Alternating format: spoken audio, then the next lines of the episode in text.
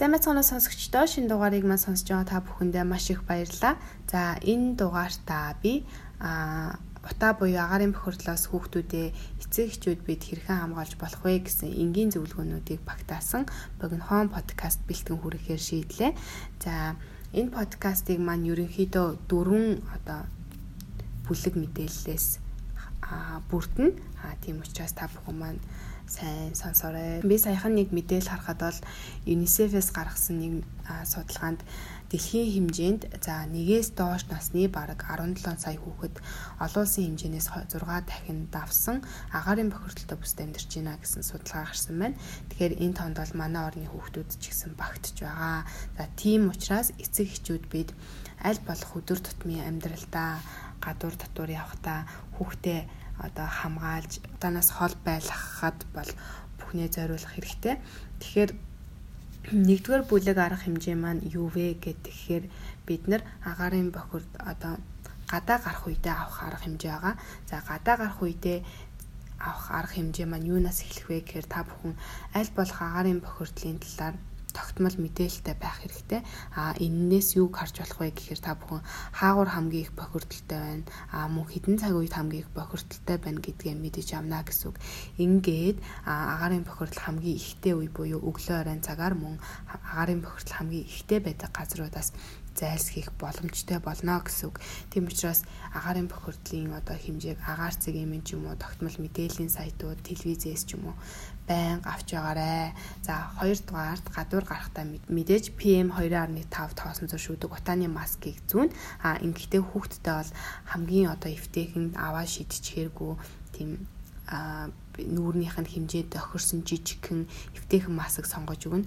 За ингэхдээ эцэг эхчүүд маань бас давхар хамт үлгэр дуурайл болж зүүх хэрэгтэй. Ингэхгүй бол хүүхдүүд маань угаасаа бидрийг харж үлгэр дуурайл авдаг учраас бид нар зүгээгүй бол таа ч гэсэн зүгээгүй шүү дээ гэд маск аваа хийчих тохиолдол их байдаг. Тийм учраас гэр бүлэрээ ерөнхийдөө гадуур гарч байгаа тохиолдолд маск зүүж хэвших хэрэгтэй. За ингээд а үүний дараа бол агаарын бохирдол одоо ихтэй газруудаас аль болох зайлсхийх хэрэгтэй. Үүнд бол за ерөнхийдөө манай хотын бол 70-80% гэр хороол учраас гэр хорооллыг багтаахгүйгээр одоо үйлдвэр, уурын зуух, автомашины зам, автомашин, за тамхи татж байгаа хүн гэд энэ мэд хүчин зүйлсүүдээс аль болох хол байх хэрэгтэй. За ягаад автомашины зам гэж байгаа вэ гэд тэгэхээр автомашины зам дээр агаарын бохирдлын хэмжээ 30-аас 60% илүү байдаг гэсэн тооцоо байдаг.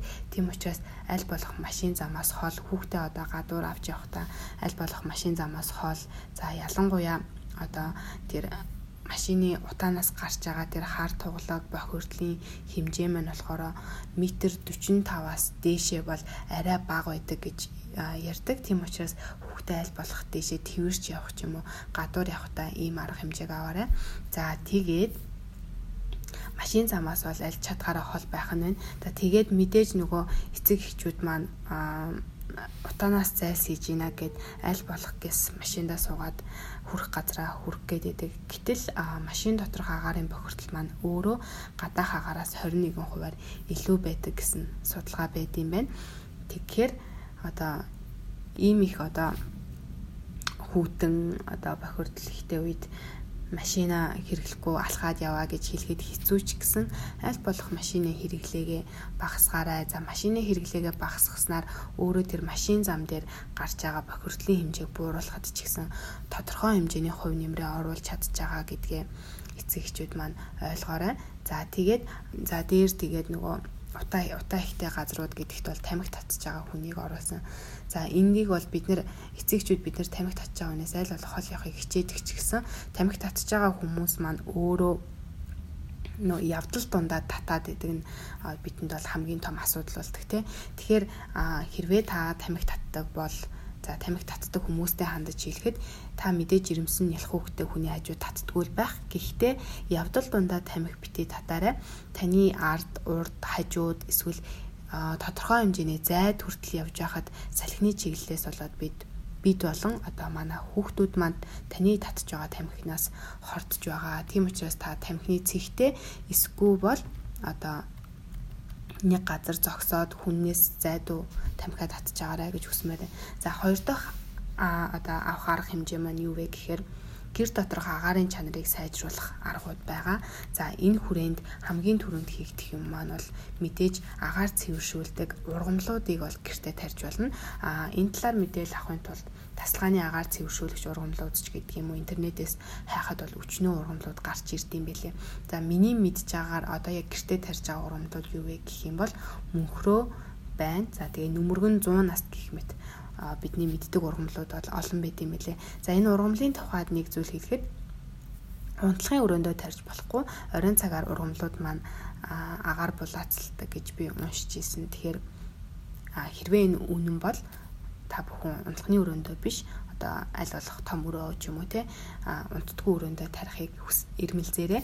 За хоёр дахь авах арга хэмжээ гэвэл хэрвээ боломжтой бол агаар цэвэршүүлэгч авч гэртээ тавих хэрэгтэй. За агаар цэвэршүүлэгч маань бол одоо ионжуулдаг, агаарын цэвэршүүлдэг, чигшүүлдэг гэд янз бүр байд юм бэлээ. Би бол яг тэгэж олон хэрэглэсэн туршлага байхгүй учраас та бүхэн зөвлөж чадахгүй байна. Тэгэхээр та бүхэнд боломжоор аль чадхаараа агаар цэвэршүүлэгч авч тавихыг бол бодоорой гэж хүсмээр байна. За тэгээд 3 э, дахь арга хэмжээ маань юу вэ гэхээр би нэг арга болсон л да. Тэрний юу гэхээр цонхны агаар шүүгч гэж байд юм билэ. Цонхны агаар шүүгч хийдэг газрууд яг цонхонд чинь тааруулаад хийгээд өгдөг газрууд бол байдаг. А гэтээ хэрвээ та өөрөө хий гэж бодох юм бол Facebook дээрээс инхма эмч гээд пэйж рүү ороод үзээрэй. Би тэр инхма эмчийн пэйж дээрээс энэ аргыг олж авсан байгаа.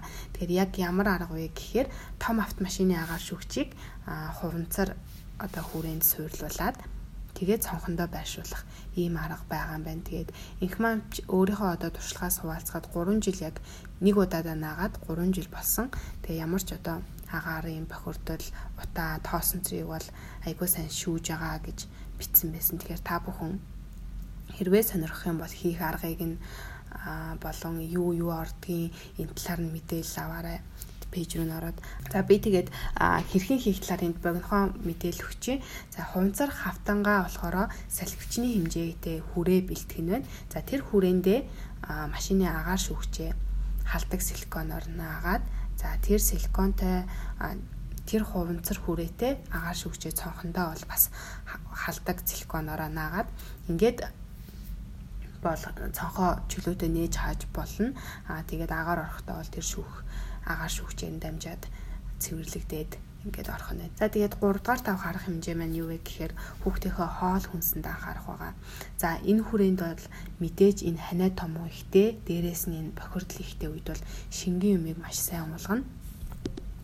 Тэгээд хоолны тухайд бол витамин С болон омега агуулсан хоол хүнсийг бол сайн идүүлэх хэрэгтэй байдаг. За энэ нь болохоор бие төрөмтлөгцөн хорыг хорт бодисыг гадагшлуулахад бол их тустай байд юм байна.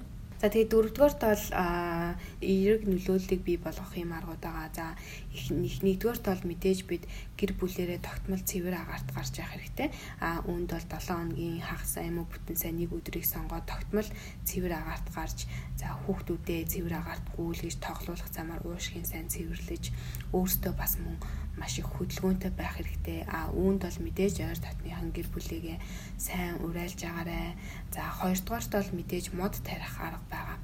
Мод тарих бол хамгийн одоо нөгөө бидний хийж болох хамгийн сайн, хамгийн үр дүнтэй арга одоо урт хугацаанд үр нөлөө өгөх арга боловч тэр урт хугацаанд шаардагдах анхаарал халамжаас нь болоод бид нар бол нэг төвддгүү мод тарьдаггүй байгаа. Тэгэхээр хэрвээ та мод тарих гэж байгаа бол заавал эргэж тэр модоо тордож анхаарч агаарай хариуцлагатай байгаарай.